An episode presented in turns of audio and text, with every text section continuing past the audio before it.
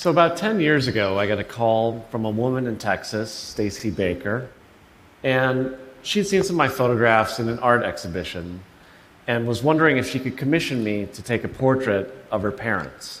Um, now, at the time, I hadn't met Stacey, and I thought this was some sort of wealthy oil tycoon, and I'd struck it rich. Uh, but it was only later that I found out she'd actually taken out a loan to make this happen. I took the picture of her parents, but I was actually more excited about photographing Stacey. The picture I made that day ended up becoming one of my best known portraits. At the time I made this picture, Stacey was working as an attorney for the state of Texas. Not long after, she left her job uh, to study photography in Maine. And while she was there, she ended up meeting the director of photography at the New York Times Magazine and was actually offered a job. In the years since, Alec and I have done a number of magazine projects together, and we've become friends. A few months ago, I started talking to Alec about a fascination of mine. I've always been obsessed with how couples meet. I asked Alec how he and his wife Rachel met, and he told me the story of a high school football game where she was 16 and he was 15, and he asked her out. Um, he liked her purple hair. She said yes, and that was it. I then asked Alec if he'd be interested in doing a photography project exploring this question. And I, I was interested in the question, but I was actually much more interested in Stacey's motivation for asking it, uh, particularly since I'd never known Stacey to have a boyfriend. So, as part of this project, I thought it'd be interesting if she tried to meet someone. So, my idea was to have Stacey here go speed dating in Las Vegas on Valentine's Day.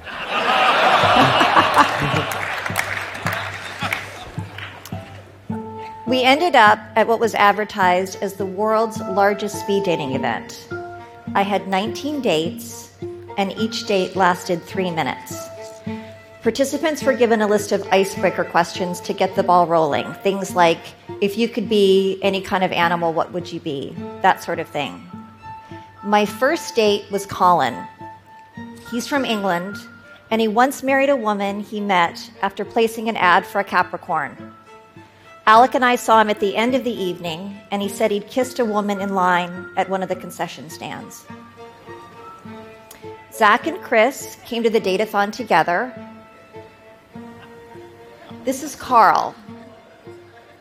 I asked Carl, What's the first thing you notice about a woman? He said, Tits.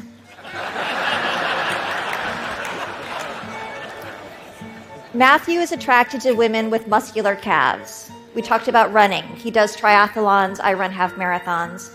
Alec actually liked his eyes and asked if I was attracted to him, but I wasn't, and I don't think he was attracted to me either. Austin and Mike came together. Mike asked me a hypothetical question. He said, You're in an elevator, running late for a meeting. Someone makes a dash for the elevator. Do you hold it open for them? And I said I would not.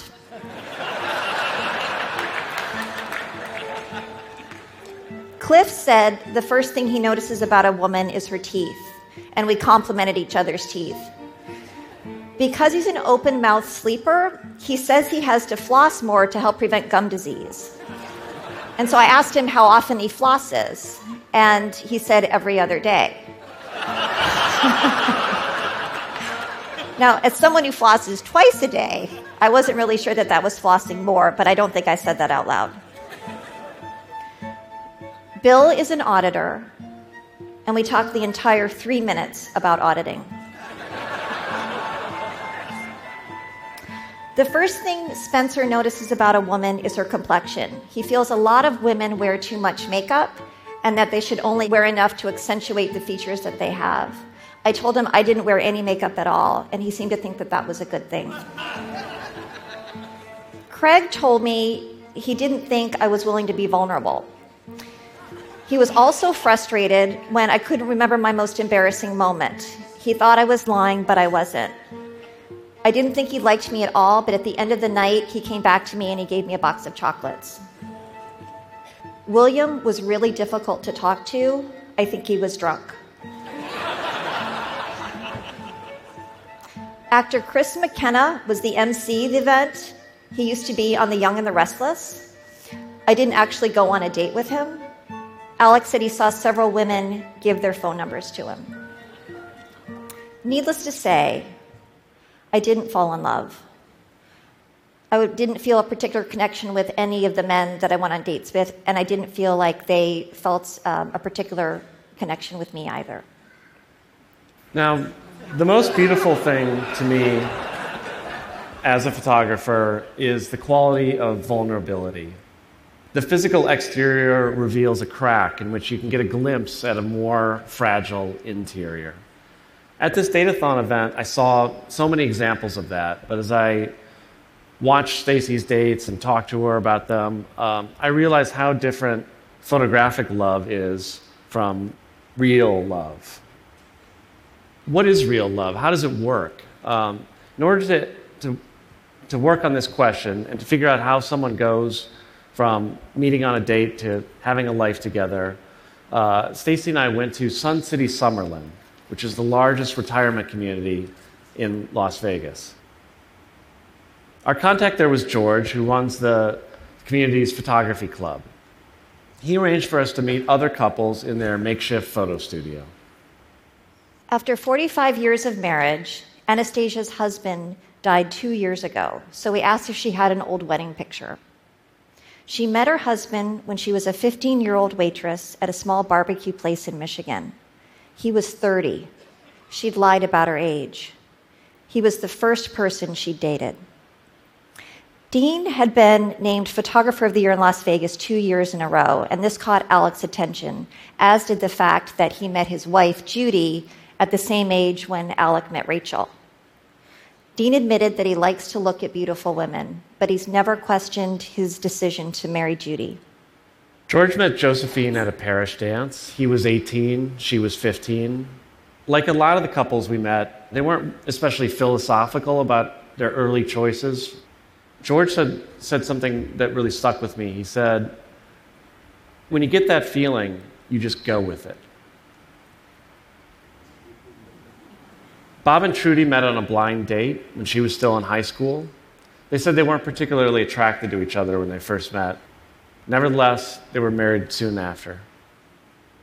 The story that stayed with me the most was that of George, the photography club president, and his wife Mary. This was George and Mary's second marriage. They met at a country western club in Louisville, Kentucky called the Sahara. He was there alone drinking, and she was with friends.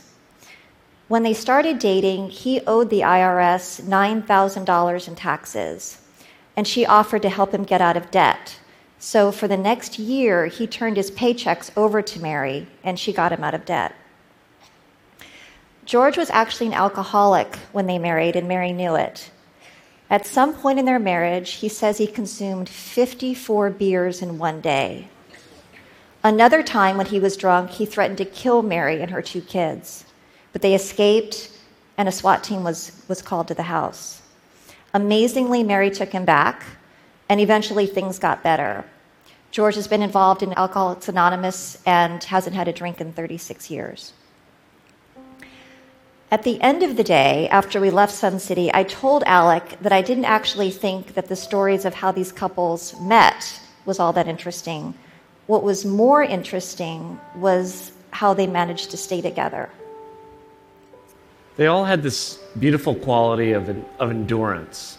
Um, but that was true of the singles too. Uh, you know, the world is hard, and the singles were out there trying to connect with other people, and the couples we're holding on to each other after all these decades. My favorite pictures on this trip were of Joe and Roseanne. Now, by the time we met Joe and Roseanne, we'd gotten the habit of asking couples if they had an old wedding photograph.